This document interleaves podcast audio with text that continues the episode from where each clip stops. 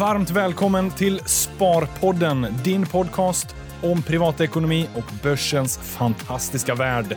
Varje onsdag ett nytt avsnitt. Häng med, för nu kör vi igång. Jag säger välkomna till Sparpodden, en ny vecka, nytt avsnitt. Denna gången har jag återbesök av Ludvig. Hur är läget? Det är fint. Det har varit en bra sommar med bokläsning. Precis, för vi ska referera en bok till. Vi älskar ju det här. Vi har gjort ett gäng sådana här avsnitt. Det tredje. Eh, och jag tror kanske att vi kommer att göra någon till. Jag tror. Eh, för det är väldigt kul att läsa böcker. Men det är också väldigt insiktsfullt att prata om böckerna. Eh, att försöka så här, dels ha en diskussion kring vad, vad insåg du, vad, vad snappade du upp i boken och så delar man lite tankar och idéer. Och Den boken vi ska idag prata om, eh, den vi har läst här nu över sommaren, är ju The Essays of Warren Buffett. Av Lawrence Cunningham. Precis. Mm. Snyggt.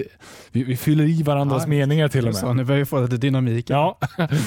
Det finns ju, eh, det här är ju kort och gott, eh, Buffett har ju aldrig skrivit en egen bok. Vilket man kan tycka är lite synd, men, eh, men han har skrivit otroligt mycket. Och Detta är ju i alla de här årsbreven Mm. i, till Berkshire Hathaways aktieägare. Årsredovisningarna, kort och gott. Så Lawrence Cunningham har ju sammanställt dem. Han har ju gjort det ganska många gånger genom åren. Mm. Så den här just Essay of Warren Buffett finns ett gäng upplagor. Precis, det finns den femte nu, kom ut 2019 då. Precis. Första 96. Ja. Han har hållit på ett tag. Han har verkligen hållit på ett tag och Buffett har ju hållit på ännu längre ett tag. Så att, eh, I den här så hittar man ju delar allt ifrån tillbaka till de första. Mm. Ehm, han, Buffett refererar ju själv ofta till partnerskapet på 60-talet och så vidare. Ja. Eh, så att man, eh, man får ju i boken dels då en historisk exposé över hur börsen har utvecklats, Mm. lite hur man såg på vilka typer av bolag som fanns där och hur Buffett har resonerat. En del av informationen skulle jag säga är förålderlig. Eh, han pratar en del om goodwill, eh, att man behöver amortera, amortera ner det. Så, så är det ju inte längre, utan eh, i alla fall i, i svensk redovisning så är goodwill någonting du behöver pröva varje år och eventuellt att göra nedskrivning. Mm. Men likväl är principerna ganska Exakt. tidslösa. Ja, men det finns mycket av de här tid, tidlösa principerna Ja. som, man har, som man har hört om i andra sammanhang. Fast med en annan twist på det kanske. Och lite mer bakgrund till vad han verkligen menar. Och så. Och det, det, det var min största insikt Mm. efter att ha läst den här boken. Jag har inte läst den innan. Eh, Jag har läst en del om Buffett. Jag läste Snowball, Mm. den här e- enorma biografin om Precis. honom. Det finns ju uh, The Making of an American Capitalist också. Den har jag fortfarande inte läst heller. Men, ja, eh, inte Snowball, men de två är ju sådana här riktigt stora biografier Ja. båda. och Buffett är ju en individ, så vi behöver inte liksom introducera honom ens. Alla vet vem han är. Haken med det där är att du blir en typ av figur. Väldigt många använder ju Buffett som en one-liner. Mm. Det här tycker han om X, Y, Z eller det här ämnet. Och Sen så antar man då att det är liksom sanningen bara för att Buffett säger det. Jag skulle säga att Buffett är otroligt missförstådd. Precis. Och Framförallt är det väldigt många som antingen älskar honom eller hatar honom. Okej, hata är kanske ett starkt ord. Det är få som kan hata honom. Han är ganska han, han är ju ändå ganska eh, mysfarbror på något sätt. Ganska så folkkär får man ändå Ja. säga. I alla fall i USA. Men, men det är ändå en del som tycker att han är antingen överskattad eh, eller en del tycker att han är extremt underskattad. Jag tycker att den här boken ger en väldigt eh, betydligt mycket mer eh, vad ska man säga, diversifierad bild av Mm. honom. Vi ska ju kunna ta upp några sådana saker som man Ja. kanske har där man har en fel bild. Och en sak som jag vill säga här också är att alltså, de som tvivlar på Buffett, de borde ju läsa den här boken. Ja. För jag menar, visst han gjorde några dåliga affärer nu i våras. Alltså dels då att han, det skriver han själv, ett misstag för honom var att gå in i flygbolagen där i USA som han då sålde nära botten. Och samma sak då att han ändå sitter på en kassa och inte köpte något eh, på botten. Men det är inte så enkelt att köpa på botten. Det är ju väldigt sällan enkelt. Och, och precis, Alla tänker det som har hänt här nu senaste våren och varför han ligger efter och han har tappat sin magi och jara, jara, jara. Mm. Men, det, men så här, man behöver se tillbaka vem han är som vilken typ av investerare. För han är egentligen inte ens en investerare. Nej. Utan han är ju snarare någon form av affärsman. Precis. Han vill ju köpa bolag. Mm. Sen kan han tänka sig, när han ibland inte kan köpa ett helt bolag, att faktiskt köpa aktier. Mm. Du och jag och de flesta investerare, vi köper ju aktier Exakt. över börsen. Eh, Vi blir ju sällan en eh, enskild ägare över ett helt bolag och kan vara inne och styra och ställa. Nej, och det, är ju det, det är ett missförstånd då, Ja. just det här med den stora kassan. Att många ser det som att det är en kassa i en aktieportfölj och varför ska han sitta på den där kassan som inte tjänar några pengar? Men han ser ju sig mer som att han driver ett företag och då behöver han en kassa som ett eget kapital i företaget. För att han har en del, ja men dels så har han ju de här försäkringsbolagen, så jag menar ska han helt plötsligt betala, behöva betala ut premier då så, alltså skulle det hända något osannolikt event, alltså någon katastrof och sen en till, då vill han ha säkerhetsmarginaler Ja. så att han verkligen kan stå där. Han vill inte vara den som behöver pengar i en kris som det var för vissa bolag under corona då. Precis. Så jag menar, det där är ju en sån där att jag menar, han ser det inte som att det här är en kassa som han har i sin aktieportfölj Nej. och väntar på rätt läge utan det är för att säkra upp då. Och man, När man refererar till att Buffett har kassa, då kollar man ju ofta på Berkshire Hathaway, eh, man kollar i deras redovisning och där ser man att det är en stor post kassa. Ja. Men man glömmer då ref, liksom, tänka ut vad är, vad är Berkshire Hathaway? Det är ett stort konglomerat av Mm. massa dotterbolag, Precis. många helägda rörelser som i sin tur investerar i andra typer av bolag eh, eh, eller eh, tar fram produkter och tjänster och sen massa investeringar. Mm. Och Det skulle jag säga är ytterligare ett missförstånd, att man ser på redovisningen och, och tar den för face value. Det Buffett, eh, så som jag tänker honom, är att han är otroligt duktig på att inte bara se saker för face value, utan det framtida värdet. Mm. Det intrinsic value, som han ofta pratar om. Och Det han menar med det, eh, nu, nu är det här, nu, nu tror inte att jag kommer att träffa exakt vad han menar, för den är väldigt svårdefinierad. Men det han lutar åt är ju vad är liksom de framtida kassaflödena som den här investeringen kan generera. Mm, precis. Eh, och det är ju en sak där, för jag menar, många ser ju Warren Buffett som en värdeinvesterare. Det är, ju, Ja. det är han ju också. Men just det här att, att bara fokusera på värde och som att han inte tar hänsyn till tillväxten då. För så är det ju verkligen inte. Alltså han tycker ju inte ens om begreppet värdeinvestering. För jag menar, ska du investera i någonting så måste du få motsvarande eller mera värde tillbaka. Annars är det liksom inte värt någonting. Och det han menar är att en, alltså tillväxten är en väldigt viktig del av värdet i ett bolag. Så jag menar, det där är också ett sån här misconception kan man säga. Precis, De är inga motpoler på något Nej, sätt, exakt. utan eh, de, de hänger ihop. Mm. Eh, och precis det här med att man letar eh, i Buffett, det här är vad hans åsikt är och den är Mm. väldigt tydlig och enkel. Jag får ju inte den bilden när man läser Nej. de här årsredovisningarna. Att, för han, han resonerar mycket mer. Mm. Det är väldigt nyanserat alltihopa. Väldigt mycket mer nyanserat. Just på, på tal om det här med värde och growth. Mm. han, han tycker att det är väldigt missvisande när man ställer dem som mot varandra. Du har tillväxtbolagen och sen har du de mo- mogna värdebolagen. Och Med det sagt så intuitivt finns det ju bolag som liknar det här. Alltså Jag tror att de flesta av oss, eh, om vi, vi ser på börslistan, så kan vi hitta en del ganska stora, inte särskilt hög tillväxt, eh, varken försäljningsmässigt eller vinst på sista raden. Och Sen hittar vi de här unga som växer väldigt flitigt. Så tänker man att de där är två motpoler. Men det är inte det, är inte det han menar när han pratar om tillväxt och värde. Eh, utan eh, vä- tillväxten är ju det som ska generera värde i framtiden. Och Sen kan vara tillväxt i många olika vertikaler i firman.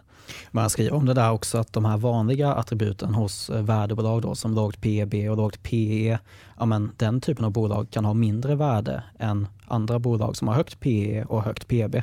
Så det handlar ju hela tiden om ja, men vilka bolag kommer kunna generera eh, bäst, alltså mest i kassaflöde i framtiden. Då. Ja.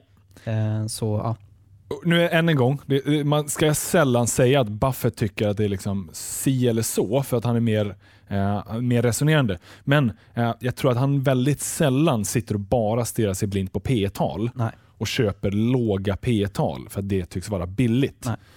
Utan han kan köpa låga P tal eller han kan köpa höga P tal beroende på vad han tror framtidspotentialen Precis. är i bolaget. För det där är nog också ett missförstånd att man tror att Warren Buffett, att det är mycket fokus på de där eh, nyckeltalen då. Men han är ju väldigt fokuserad på att beräkna, alltså diskonterade kassaflöden. Det, Egentligen är det typ det som är hans strategi. ja, Man, fast man, man, man säger nästan aldrig, och det, det står Nej. liksom inte skrivet, eh, men, men det är verkligen, vad är, vad är de framtida kassaflödena den här investeringen kan generera och sen diskontera tillbaka det Precis. till nuvärdet. ja. Är det då rimligt att betala för det här Precis. och investera i det? Ja, jag tycker han tar ett bra exempel där, för han skriver om det här, en fågel i handen är värd mer än två i skogen. Ja. Och då, då Han skriver där att man måste besvara tre frågor då för att ge upp fåglarna man har i handen. Som är, ja, men, hur säker är du på att det finns fåglar i skogen är den första. Och Mm. när tror du att du kommer hitta dem och hur många tror du att det kommer finnas? Och sen tredje, vad är den riskfria räntan du får om du behåller fåglarna du har i handen? Ja. Har man svarat på de här tre frågorna, ja, men då ska man kunna värdera ett bolag. Då. Och det är inte fåglar han menar utan det är ju dollar skriver Precis. han uttry- uttryckligen. Ja. Ja, det, det är ju det här ja, sägen, en fågel i handen eller två i busken. Mm, precis, det är någon Aesop, Oracle of Aesop, det är någon typ av saga som är... Precis. Ja. Och jag älskade det stycket. Eh, och det- den vet jag att han har återkommit till många gånger. Den här eh, ineffektiva busketeorin Mm. som han pratar om. Mm. Det, det är ju eh, word pun på effektiva marknadshypotesen. Han är ju inte ett jättestort fan av Mm. den akademiska investeringsfloran Mm. med portföljallokeringsteorier och Ja, eh, den effektiva eh, liksom, eh, kvoten och linjen och, Mm. och sådär. precis. Utan han ser det ju mer för det praktiska värdet. Investera i bolag, vad kan de generera för kassaflöde? Ja. Han skriver det att när fåglarna i skogen handlas under vad man kan förvänta sig att tjäna på att leta efter dem så är det liksom the inefficient push theory. Då. Ja. Så eh, nej, och, eh, nej men, och det tror jag som sagt, just det här hur mycket han faktiskt fokuserar på diskonterade kassaflöden. Och b- b- snabb eh, liksom inflick på den ineffektiva eh, Mm. börs, eh, busketeorin. Mm. Alltså att han, han tror ju inte att marknaden är 100% effektiv. Men det är än en gång där. Det är inte som att han tror att den alltid är ineffektiv. Utan Nej. i vissa lägen är den mer effektiv, i andra lägen är den mindre Mm. effektiv. Men att den är 100% effektiv hela tiden, det tror han ju inte på Nej. för fem öre. Ehm, och mycket av den akademiska eh, liksom, synsättet är ju väldigt boxat. Mm. Jag har lyssnat många, många eh, Berkshire Hathaway årsstämmor Mm. där han och Charlie sitter och resonerar kring den här typen av eh, liksom modern eh, finance theory. Mm. Och, och där ratar de ju det ganska ordentligt. Och kommer ofta med mycket mer liksom, eh, praktiskt, street smart, intuitiva sätt att se på det. Det behöver inte vara 100% korrekt beräknat, för verkligheten är sällan så liksom, perfekt. Eh, och, och Jag tolkar in ganska mycket att han, han har en strategi och den är att försöka beräkna de här framtida kassaflödena och diskontera tillbaka det. Men det är ju inte en, en perfekt Eh, Du kan aldrig få fram vad är det exakta intrinsic value, utan du får göra en höftning och sen så gillar han då hellre att ta i det konservativa spannet, för då har han den där margin of safety. Och sen finns det väldigt mycket vad ska man säga, fluffiga värderingar såsom good management, eh, se till att det är starka varumärken som kan förbli starka, för det är det som driver på bolaget och genererar de här framtida kassaflödena. Mm. Jag bara tänkte på det här med EMH, då, Efficient Ja. Market Hypothesis. Han eh, skriver det att um, de står i tacksamhetsskuld till de som förespråkar effektiva marknadsteorin. För han har ju mycket bra one-liners och den här är då, vad skulle kunna vara mer fördelaktigt i en intellektuell sysselsättning än att ha konkurrenter som har lärt sig att det är ett slöseri med energi att tänka.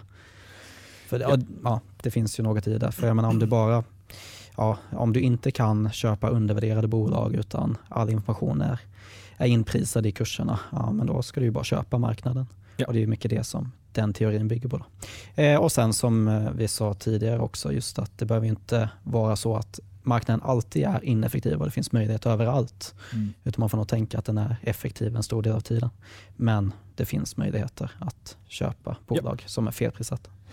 Och Det är därför han också kan då säga saker som om du nu inte kommer att lägga den där tiden och energin för Mm. att försöka tänka, för att försöka förstå vad är de här framtida kassaflödena. Eh, köp en indexfond. Ja. Köp en billig indexfond. Precis. Här, hitta know your limits Mm. lite. Men det går att, att överavkasta men du behöver lägga otroligt mycket brain power Ja. och, och fundera ut. Och Det är därför han ofta refererar till långsiktighet. Ja. Att hellre eh, köp ett bolag och äg det på minst 10 år. Kan du inte tänka dig minst 10 år och du ska inte ens äga det 10 minuter. Mm. För det tvingar dig in i ett mindset av att tänka 10 år fram i tiden. Vad kan det här bolaget ha lyckats generera? Eh, Kommer de ha samma typ av marknadsposition eller kommer de ha stärkt sin marknadsposition? Så kan man ju se tillbaka på de eh, senaste tio åren eller fem åren, vad det nu finns för historik, hur de utvecklats. betyder inte att det kommer att fortsätta i alltid samma riktning. Så du måste försöka fundera över vad är det för typ av människor? Um, och, och, är det rimliga människor i bolaget som har rätt typ av incitamentsprogram? Den här boken gav väldigt mycket management uh, teoriinsikter också. Mm. För Han lägger mycket tid på det, för han är ju en businessman. Han mm. köper bolag, sätter rätt typ av management som har rätt typ av incitament. Kan ha optionsprogram, men optionsprogram är inte alltid bara bra rakt av. För det kan skapa olika incitament. Ja. Jag kommer att tänka på en annan bok där faktiskt Warren Buffett Management Secrets finns det en som heter som också skriver ännu mer om alltså just eh, ledarskap och ja. vikten av att delegera ansvar och inte ja, mikrostyra de här bitarna. Men eh, som sagt, annan. Och då är den eh, också referat från de här årsredovisningarna? Ja, det är nog snarare skrivet kring hur han har jobbat. Jag tror det är, kan det vara hans syster som har skrivit det. Något. eller om det är någon, det är någon Buffett i alla fall. Någon har skrivit ja. ja. Men, eh, och sen eh, en sak som vi, just det här med, han är ju väldigt mycket för fokus också istället för att diversifiera. Om du då är den som vill lägga mycket tid på det. Mm.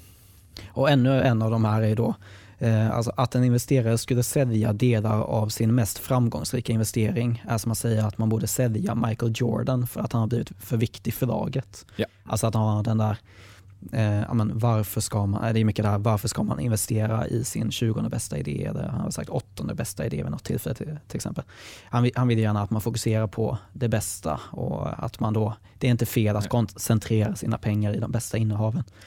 Precis. Sen så kan jag tycka att det är ju enkelt för eh, för Warren Buffett att säga då, alltså som lägger ner så pass mycket tid på det. Det är kanske svårare för eh, genomsnittsinvesteraren att eh, verkligen förlita sig på sin egen analys när det, väl, när det väl börjar rasa, både börsen som helhet och kanske att ett bolag rasar mer än börsen.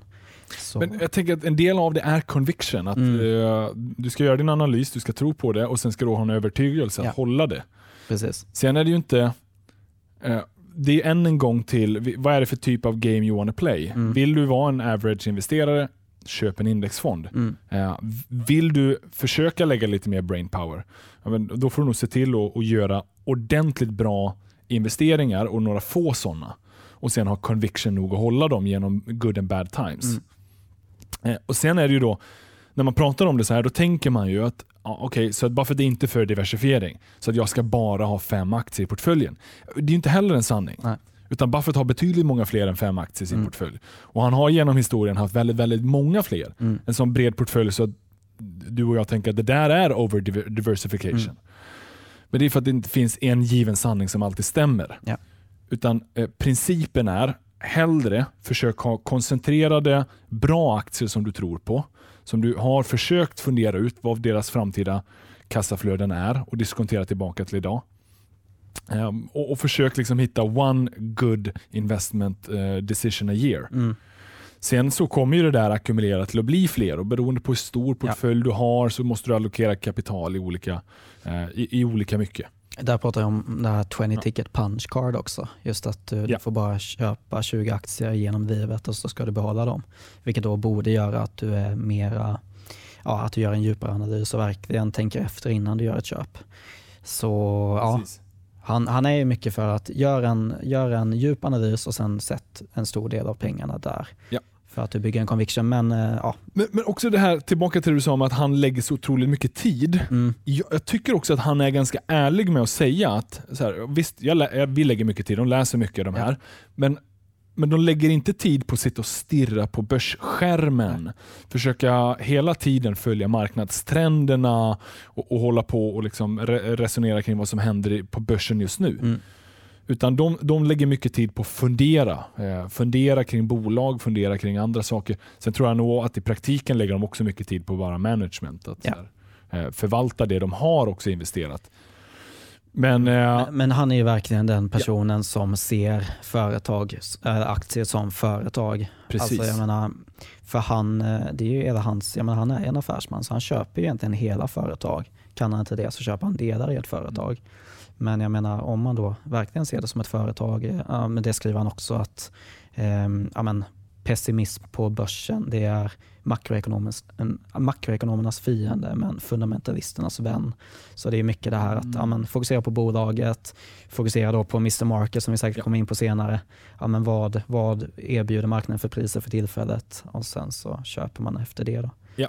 Um, mm. och Jag tyckte verkligen hans uttryck kring Mr Market, det är ju en, uh, ett begrepp som han lånar från sin uh, lärare Benjamin ja. Graham det här med att börsen dagligen går upp och ner och fram och tillbaka. Eh, och den är, nu ska vi se vad det var han skrev, den är snarare eh, att man inte ska följa den eh, bara liksom blint. För den är hela tiden ganska så sporadisk, ibland är den väldigt optimistisk, ibland är den väldigt pessimistisk. Ja. Utan den, den är snarare där mm och ibland kan man ta nytta av den. Ja. Men du ska inte låta marknaden styra dig. Precis. Det är ju andemeningen han är ute mm. efter. Mm. Alltså att det inte bara, eh, när allting faller, tro att det är dåligt. För, för det är det, då styr den ju dig. Om ja. När börsen går ner, du faller in i den här pessimismen som råder. Mm. Och det, det, är, här, det är extremt svårt ja. att, att blunda för det där. Mm. Uh, Men han skriver det också. För vi är flockdjur. Ja, exakt. Uh, det, här, det är kapitel 8 i The Intelligent Investor. Ja. Eh, och han skriver innan han plockade upp det kapitlet så ogillade han eh, fallande aktiepriser. Alltså att han, han tyckte inte mm. om att se börsen gå ner. Men efteråt blev börsfall hans vän då. Så eh, det var bland det bästa han har gjort eh, någonsin då att just plocka upp det Intelligent Investor. Ja. Och kanske framförallt då kapitel 8 och kapitel 20 som är margin of safety. Men, eh, och det skriver han om just fallande kurser. Så om du kommer köpa mer aktier än du kommer sälja inom de närmaste åren då, då vill du se fallande aktiekurser. Det är bara om du ska sälja dem den närmsta tiden, det är då du vill se stigande aktiekurser. Så jag menar, är det nettoköpare över tid, då vill du att börsen ska gå ner för då kan du köpa andelar av bolagsvinster billigare än tidigare. Och Den här är ju intuitivt jobbig. Ja. Alltså, alla gillar ju Precis. att se portföljen stiga. Mm. Visa en kursgraf där det bara pekar uppåt. Ja. det älskar man. Men, men eh, logiken som han presenterar är ju väldigt tydlig. Mm. Och precis som du säger, om du är en nettoköpare eh, över tiden, då, då tjänar du på att det går ner. Det är ju, gör ju ont för de mm. köpen du har köpt, är ju då på kontot negativt. Men kom ihåg att du ska tänka den här investeringen över åtminstone tio år. Han säger själv att Charlie and I, we buy it for eh, liksom, eh, lifetime. Mm. Så då vill du att det faller. För i framtiden sen när de där genererade kassaflödena visar sitt verkliga värde, då kommer avkastningen komma. Ja.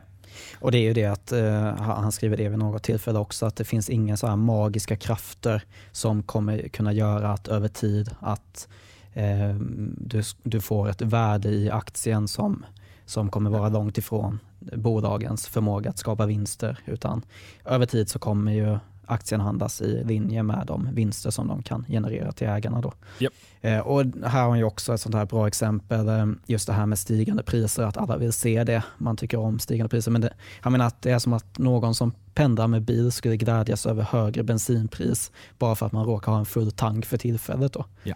Så att, eh, jag tyckte den var rätt slående ja, också. Det, som sagt, han har många sådana exempel. Ja för du kommer ju nettotanka din bil ja. framöver, så du ser ju hellre då att bensinpriset går ner. Precis. Tänk precis likadant ja. med din aktieportfölj. Uh, och Den är ju en övning man behöver uh, jobba på. Ja. Uh, och Sen är det ju så här, det är superenkelt att följa aktier idag. Du kan följa det i mobilen, du kan mm. se, du gillar att liksom, kanske göra en månadsuppdatering och se att portföljen stiger. Mm. Så det är väldigt lätt att man tränar in sig själv att leta efter det där, den där avkastningen men kom ihåg att då är det, ju, då är det väldigt kortsiktigt du ser på det. Ja. Och Det är inte Buffett style, utan han ser på sakerna ur ett mycket längre perspektiv. Mm. Han, han, pratar ju en del om spekulation och, och han eh, liksom använder det, han, han, pratar om det som att det är inte oetiskt, det är, det är inte liksom fel. Han till och med använder it's not even un-American. För det är ju otroligt viktigt för dem att det ska vara mm. American. Ja. Så att, att spekulera, att vara kortsiktigt mer engagerade på börsen är helt okej. Okay. Men mm. bara man fattar att det är den typen av investerare eller den typen av approach man har. Ja. Och, och, Gränsen mellan att vara en investerare och en spekulatör den är väldigt hårfin. Den är inte alltid supertydlig. Men det här är en vattendelare. Mm. Om, du, om du ser på portföljen hela tiden och, och vill ha den där positiva avkastningen. Ja fast du vet att du ska stoppa in mer pengar. Mm. Det här är också från, eh, som Graham skriver, då, att man kan tänka sig Mr Market som kompanjonen i ett privat företag. Och varje, då, varje dag då så kommer han med ett nytt pris som han vill sälja sin del av företaget för. Och eh, även fast då företaget har en stabil intjäning så kommer Mr Market då med nya priser varje dag och de kan ligga långt över, eh, långt under den här intjäningen. Då. Ehm, och jag menar, för med tanke på att man då själv kan välja när man vill acceptera det här budet så spelar det ingen roll om vad, vad han kommer med för bud hela tiden. Mm. Utan för en egen, och det han säger är att man kan tänka honom som en manodepressiv person. Då. Ja. Så jag menar för en investerare så ju mer manodepressiv desto bättre. För då kan du verkligen dra nytta av hans eh, väldigt så här, låga pris som han kommer med. Precis. Så, ja. Och än en gång då varför han inte alltid gillar det här akademiska sättet att se på eh, investeringar. För volatilitet, mm. det är i praktiken det man ofta refererar till, ja. är, eh, är ju ur ett akademiskt perspektiv negativt. Det mm. innebär mm. risk och då ska en sån typ av tillgång ha mindre plats. Ja, Medan han vill ju hävda tvärtom. Volatilitet Precis. är ju aktieinvesterarens bästa vän. Mm. För då kan du ibland serveras fantastiska priser ja. uh, i bolag som är uh, otroligt bra. Mm. Så jag menar, ett bolag som har gått ner mycket i pris kommer vara mer riskfyllt ja. att köpa vid det lägre priset än om det står kvar vid det högre priset. Det är det som han också ställer sig emot. Då. Mm. Att man mäter risk som volatilitet att eh, risken blir större om Precis. priset går ner. Men jag menar, risken i bolaget, alltså att köpa det bolaget borde, borde vara bättre för högt pris kommer alltid vara en risk. Ja. Som vi pratar mycket om när vi pratar om Howard Marks bok också. Exakt. Men, eh, liksom om vi håller oss på den här akademiska, för, mm. här, vad är din personliga känsla kring det? Jag vet att du ändå mm. så här, applicerade en del mm. och, och, ändå kanske inte håller med Buffett mm. alltid. Nej. Vad, vad, är din, om du vill nyansera det ännu mer? Uh, ja, men, så som jag ser på det, i och med att jag har ett stort intresse för behavioral ja. finance eh, så tror jag att man tjänar på att inte ha för mycket svängar, svängningar i portföljen. Så det är framför allt därför som jag tycker att det är bra att eh, mm. ha volatilitet och ja. drawdowns. Att försöka minimera det som ett bra mål för en portfölj. Eh, så jag menar hellre då att du har en diversifierad portfölj kanske mellan olika tillgångsslag också och inom tillgångsslag. Eh, så att du kan få en bättre resa över tid. Men då pratar jag om genomsnittsspararen och kanske till och med genomsnittsspararen i Sverige, inte ens de som lyssnar på Sparpodden. Då. Mm. Eh, för det visar ju bara om man kollade på um, Sparbarometern för första kvartalet så hade vi rekordförsäljningar i, i fond, aktiefonder eh, på grund av då coronakrisen. Och det visar ju bara att vi kan ju inte hantera de här djupa nedgångarna. Vi säljer i panik, ja. alltså många av oss. Då. Mm. Vilket gör att har man då en diversifierad portfölj som gör att den inte svänger så mycket, som, för det är extremer när man gör misstagen. Mm. Jag menar när det går väldigt kraftigt uppåt, då gör man misstaget att man gärna vill öka på risken. Går det väldigt kraftigt neråt, ja, men då vill man bara fly risk. Eh, så det är därför som jag ändå ser en fördel med det. Men jag håller ju med mycket av det som Buffett säger. Alltså också. Men, jag tror att det än en gång, det, det är väldigt få sådär one line, this is it, mm. det här är liksom den ultimata sanningen. Ja. Utan okej, okay, Buffett ur hans perspektiv, han är en affärsperson, mm. vill köpa bolag, eh, är långsiktig, mm. försöker minimera sina känslor mm. kring det. Kan du hålla känslorna kalla, då är volatilitet perfekt. Men kan du inte det, eh, om du får panik när det blir blodrött på börsen, då kanske det är bättre att använda den typen av eh, ja. mått. Vad, vad, tycker du om? För du... Nej, men, äh, så här, jag vill ju försöka äh, tänka mer rationellt. Mm. Tänka liksom, vara mer förnuftig och reflekterande och inte liksom dra med i mina känslor. Försöka eh, liksom förstå vilka typer av heuristics och biases jag har bara vara medveten om dem för att förstå att jag begår misstag. Men jag kan åtminstone minimera dem om jag är en med, medveten person om det. Hur kommer det sig att du investerar i investmentbolag tänker jag?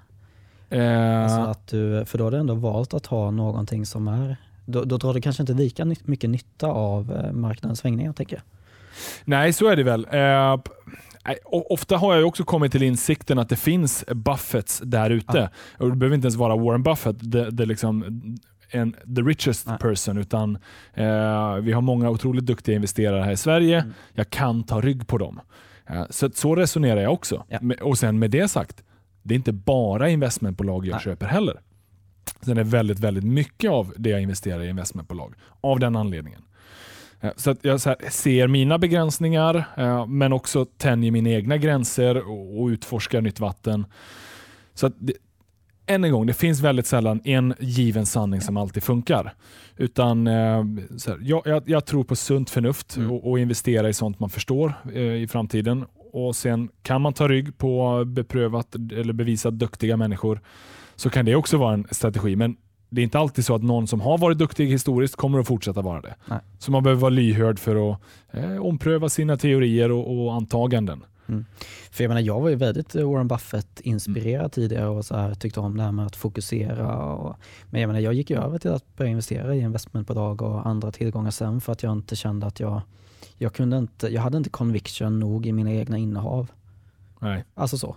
Och när det väl, för när det väl börjar krascha ihop någonstans hur ska jag, alltså så här, det, ja, nej, det är svårt. Det, det är svår, än en gång. Man ska nog vara väldigt, alltså, och jag menar det är inte riktigt min, det är inte min styrka heller att sitta och dra igenom årsredovisningar och sitta och nöta siffror i ett bolag. Nej. Utan jag är mera generalist på det sättet att jag ser de bredare perspektiven och tycker om att fokusera mer på investeringsfilosofi och de här bitarna. Ja. Så jag tror att man ska ju ha, och det handlar ju om att känna sig själv också. Precis, och den resan fortsätter ju hela tiden. Ja. Att försöka Eh, förstå vem man är. Man, man förändras. Ja. Eh, och, sådär. Och, och, när man pratar om conviction ur ett Buffett-perspektiv. Man får tänka sig än en gång att är här, han är så extremt övertygad om de här bolagen och hans primära mål är ju att köpa upp dem. Mm. Jag kommer aldrig någonsin kunna köpa, eller aldrig någonsin kanske man inte ska säga, man, man får ju ambitioner. Men det, det, är liksom, det är svårt för mig att köpa upp ett large cap-bolag. Ja. Eh, så liksom. Jag har inte riktigt de pengarna i plånboken. Det är en bra ambition. Det är en bra ambition i alla fall. Så att eh, Conviction funkar ju bara om du själv kan vara med och bidra till att det realiseras. Ja. Du kan köpa det fantastiska, eh, det mest intressantaste bolaget men the end of the day, om inte någon annan ser det här också, köper det och får marknadspriset att gå upp, då är det kanske inte säkert att du kommer att realisera de där värdena, eller det kan ta extremt lång tid. Mm. Vi pratar 10 år, 20 år mm. kanske. Um, men, och, det, det liksom finns många ingredienser i, i, i den sopp, i, liksom, för att få till den där slutprodukten som ja. Buffett har. Precis. Och Det är inte alltid säkert att man ska följa hans fotspår. Det beror på vad man är för en typ av investerare. Um, han, är, han är dels ett statistiskt liksom, eh, undantag. Att han levde väldigt länge. Stor del av hans totala förmögenhet har ju skapats efter att han har fyllt 65 år. Mm. Eh, det, är inte alla som har möjligheten att ha den spänsten intellektuellt och under så pass lång tid. Ja. Och sen också att vi har haft en miljö som varit väldigt gynnsam för aktier de senaste en, 50 åren. Precis, så att han började på perfekt tillfälle efter kriget ja. och i princip bara haft en eh, ja. fantastisk utveckling. Och sen också att han då har kunnat göra det här med den här hävstången i form av försäkringspremierna, då, den här floaten. Så han har också haft lite extra hävstång och eh, det finns något som heter, de har gjort en studie som heter Buffetts Alpha Alltså mm. hur han genererat alfa.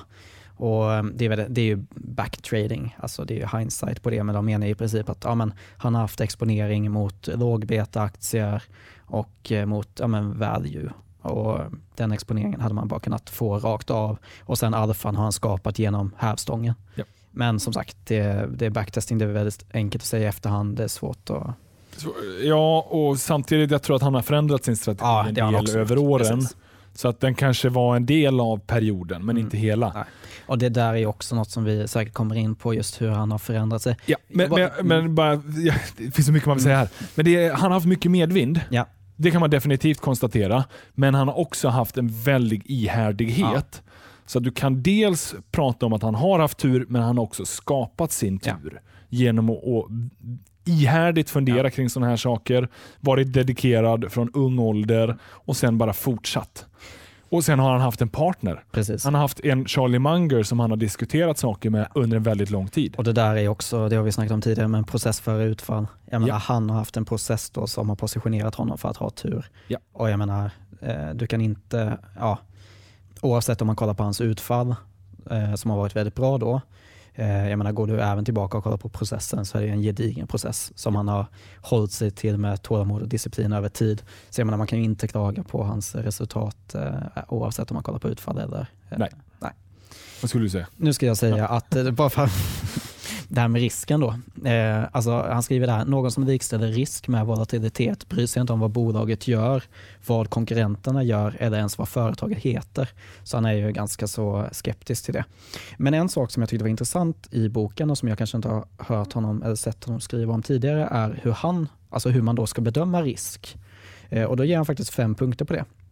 Eh, fem faktorer för att bedöma risk. Och Då säger han eh, med vilken säkerhet man kan bedöma utsikterna för företaget, eh, med vilken säkerhet man kan bedöma företagsledningens förmåga att få ut bolagets fulla potential. Då. Ehm, med vilken säkerhet man kan bedöma om företagsledningen kan styra vinsten åt aktieägarnas håll istället för till sig själva. Och sen då priset man måste betala och sen har en femte som är skatter och inflation. Så där ger han ändå fem punkter som om man går ifrån det här med att se risk eh, ja, som volatilitet och kanske inte bara för risk då det här eh, dictionary-definitionen, alltså möjligheten till förlust eller ja. som man också skriver om, eller risken för förlust. Vad man nu. Men, eh, men just här ger han ändå fem faktorer som man kan fundera över då och vad, fakt- vad som är risk i, street smart eller ja. liksom så här, sunt förnuft. Vad är det som faktiskt skapar den där risken mm. att du inte realiserar kassan? Precis, och det är ju också hur, det handlar alltså om hur väl du kan bedöma de här sakerna. Det är det som är risken, att du inte bedömer dem rätt då. Eh, och den där risken den hanterar man ju någorlunda då med margin of safety som ju också är en... Men, vad menar du med att inte bedömer den rätt?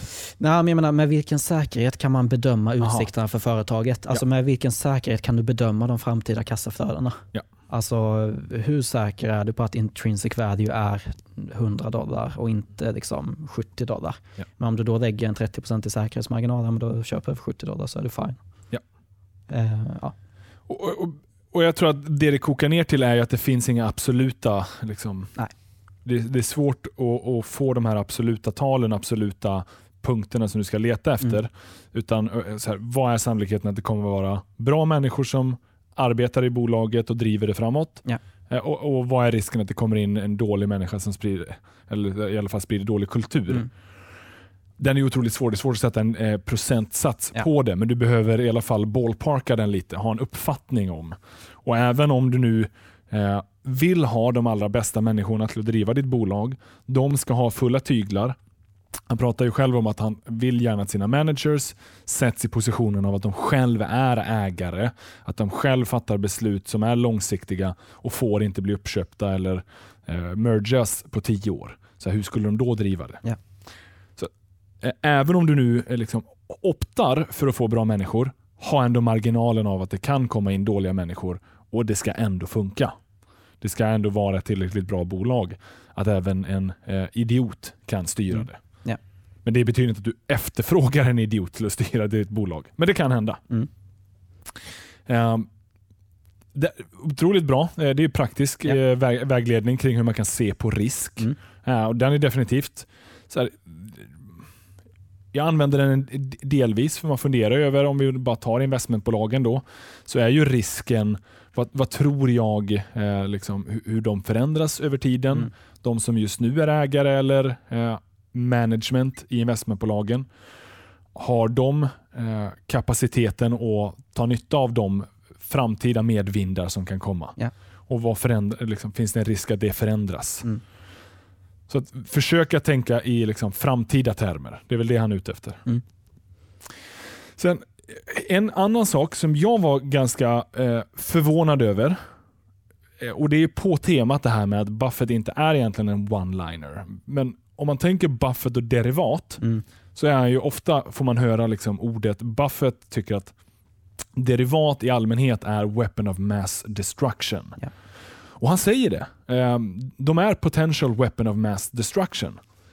Men han säger också att han själv använder derivat. Han köper själv optioner, han har full koll på prissättning ehm, och investerar och har tjänat en hel del på derivathandel.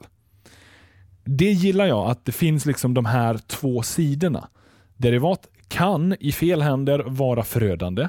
Eh, och väldigt ofta är. och Det är ju många av de i alla fall senaste kriserna vi kan peka på att derivat har skapat problem. Men då har de ju missbrukats. Samtidigt som han då ser okej, okay, folk prissätter derivat efter Black and Scholes-formulan. Eh, det finns felprissättningar. Här finns det en avkastning att tjäna. Då tar han den. Jag gillar ändå det med honom att han kan vara så nyanserad. Och Det, det, det är så jag ser mer Buffett som efter jag läst den här boken än innan. Att det är liksom inte alltid svart eller vitt. Utan ibland är det bra eh, i rätt förutsättningar med rätt kompetens och kunskap och ibland inte. Mm. Och, och, Då har vi inte ens pratat om, bara när jag sa nu kompetens och kunskap. Ja. En av de största insikterna är ju den här eh, circle of competence. Ja, Men jag bara tänkte på just det här med att eh, han är väldigt nyanserad. Det där är någonting som man kanske förknippar mycket med Charlie Munger. Men i den här boken så ser man ju hur de eh, agerar efter det där. Dels då att de har gått från att, eh, eller ja, Buffett gick från att investera i de här cigar butts.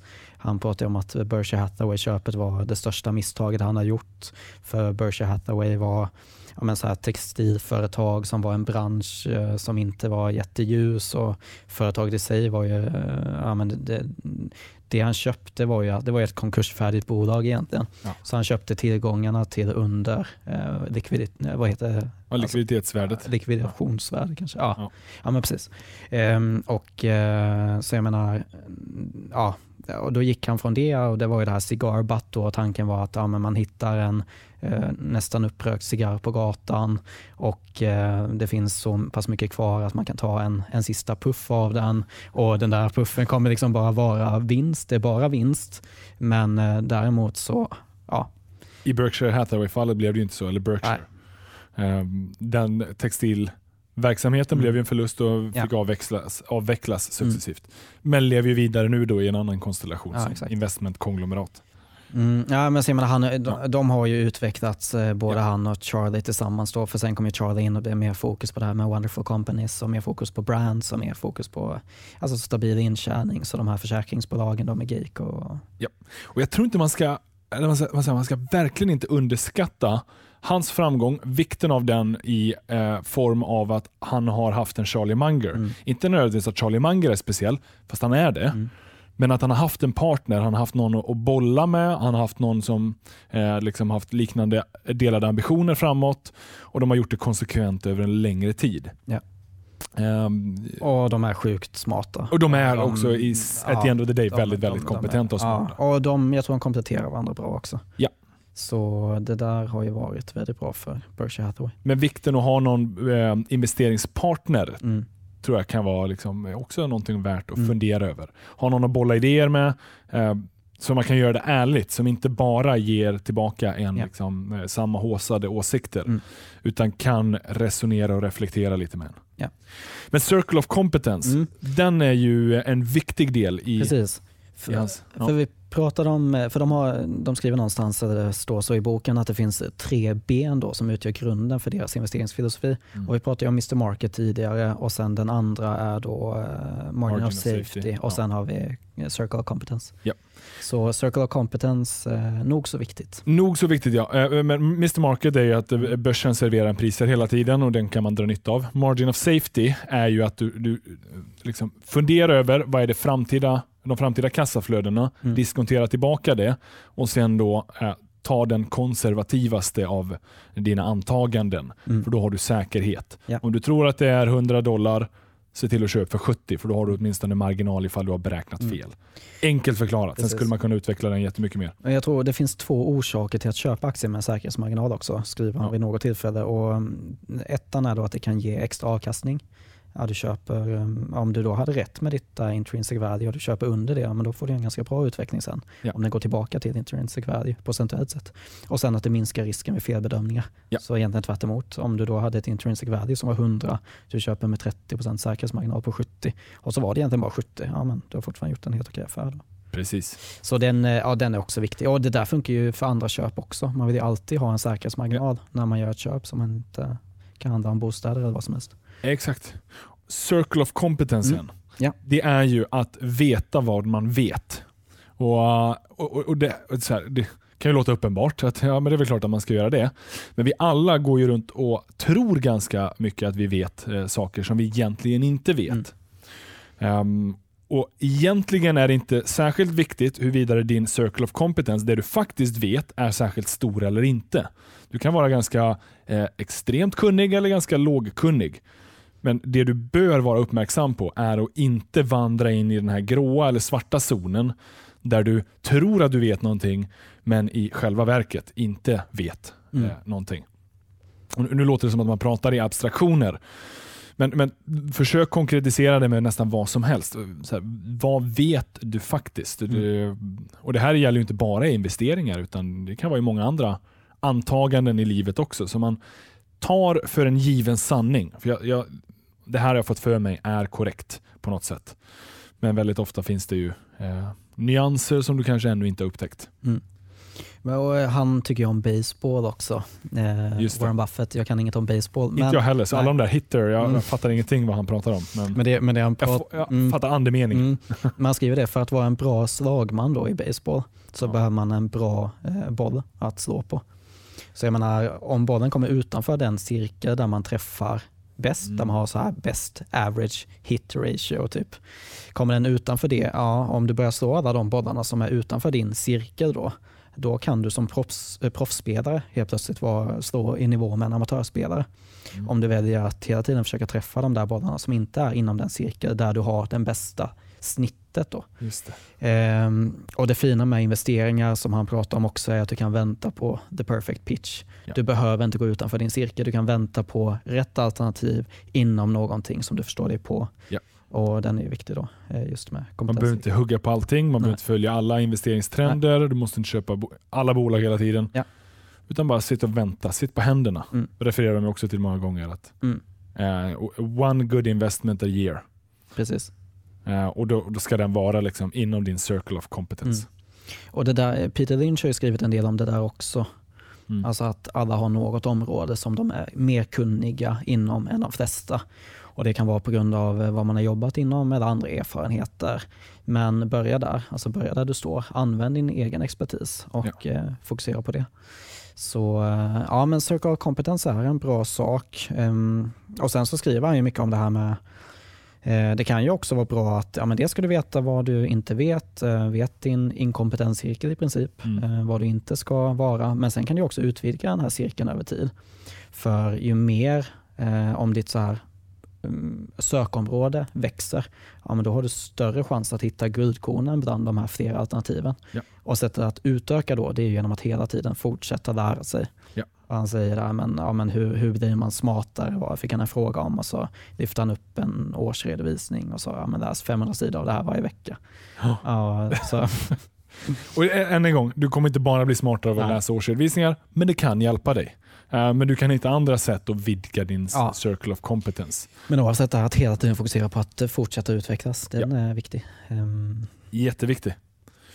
Det finns otroligt många bra nuggets här i. Eh, Mm. En, en grej som jag också plockade upp eh, som är lite mer aktuell nu, guld eh, pratar han lite om och inflation. Ja. Guld är ju ett sånt där återkommande investeringstema genom åren. Mm. Ibland är det otroligt trendigt att investera i guld och ibland är det inte det.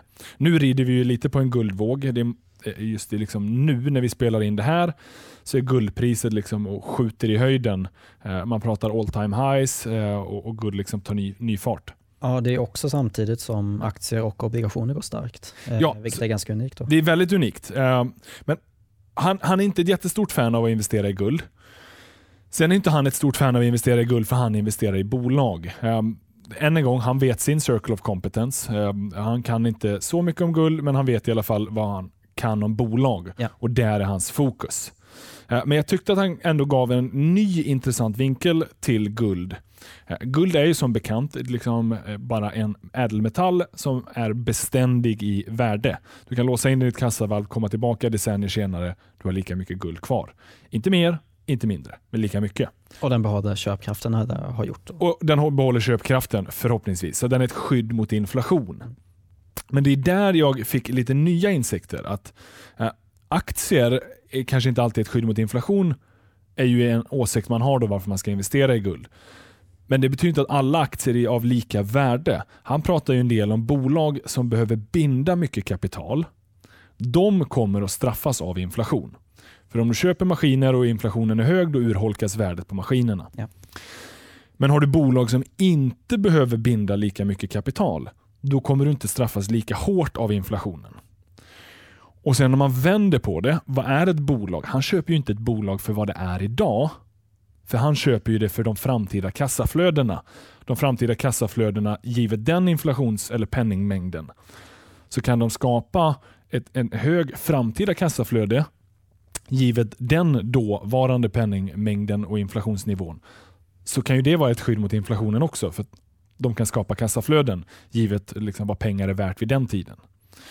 Det var ändå bara en ny mm. intressant infallsvinkel på guld. Precis, eh, och jag tror han skriver det vid något tillfälle. Jag försöker hitta det bland alla mina sidor här. Men, eh, men just det här att eh, ett av den typen av bolag vars egenskaper de har lyckats bäst med, alltså mm. när det gäller deras förvärv tror jag det han skriver om, alltså stora företagsförvärv. Det är ju de som över tid då har ett sånt bra inflationsskydd. Ja. Att de har den typen av verksamhet. då. Där de inte har behövt binda för mycket Exakt. kapital utan ändå kunnat skapa en avkastning mm. på, på det lilla kapital Precis. man behöver binda. Med det sagt, så en bolag behöver binda kapital, men att de binder det effektivt. Ja. Och att det du ser i årsredovisningen eller kvartalsrapporten, det är det bokförda värdet. Det behöver inte betyda att det är det verkliga värdet så att säga. Utan det han försöker fundera över är ju vad bolaget kan generera framåt. Mm. Att det står att eh, inventarier är värda en miljon där, är inte nödvändigtvis värt en miljon, utan det är bara bokföringsmässigt. Ja. Han ser det för vad de kan generera i framtida vinster. Och är, han har ju faktiskt gått från att de, de redovisar ju inte det här mm. bokförda värdet i aktieägarbreven från 2018 nu. För det, det. Ja, det fyller inte samma funktion längre. För förut när det var mera materiella tillgångar som de investerade i den typen av bolag, ja, men då gav det en, större indika en bättre indikation på vad bolaget var värt. Berkshire Hathaway. Ja, Berkshire Hathaway, exakt. Deras bokförda värde. Men han har också varit skeptisk över tiden. Mm. Så här, vi redovisar det här, men ibland är det eh, mer än vad det verkliga värdet och det var ju när Berkshire var textilbolaget. Mm. Då var det bokförda värdet eh, eh liksom högre än vad faktiska värdet för att de kunde inte generera några kassaflöden framöver. Och ibland är det mycket lägre för att det han och Charlie ser, potentialen i bolagen, är mycket högre än det mm. bokförda värdet. Precis. Men, nu, nu men det ger en indikation. Men nu ja, har de tagit bort det ändå. De har tagit bort det och nu så de, de gör ju återköp vid 120 procent av bokfört värde. Ja. Så jag menar, då menar man att intrinsic value är mycket högre än 120 procent också. Eller mycket högre, ja. men något ja, men högre i alla fall. Man, man, kan referera tillbaka till investmentbolag så som vi ser det i Sverige. Man pratar ofta substansvärdet. Just det. Och det är än en gång det, är det bokförda värdet Ja, men det är ju därför ofta en del investmentbolag kan handlas till en eh, rabatt eller premie. Mm.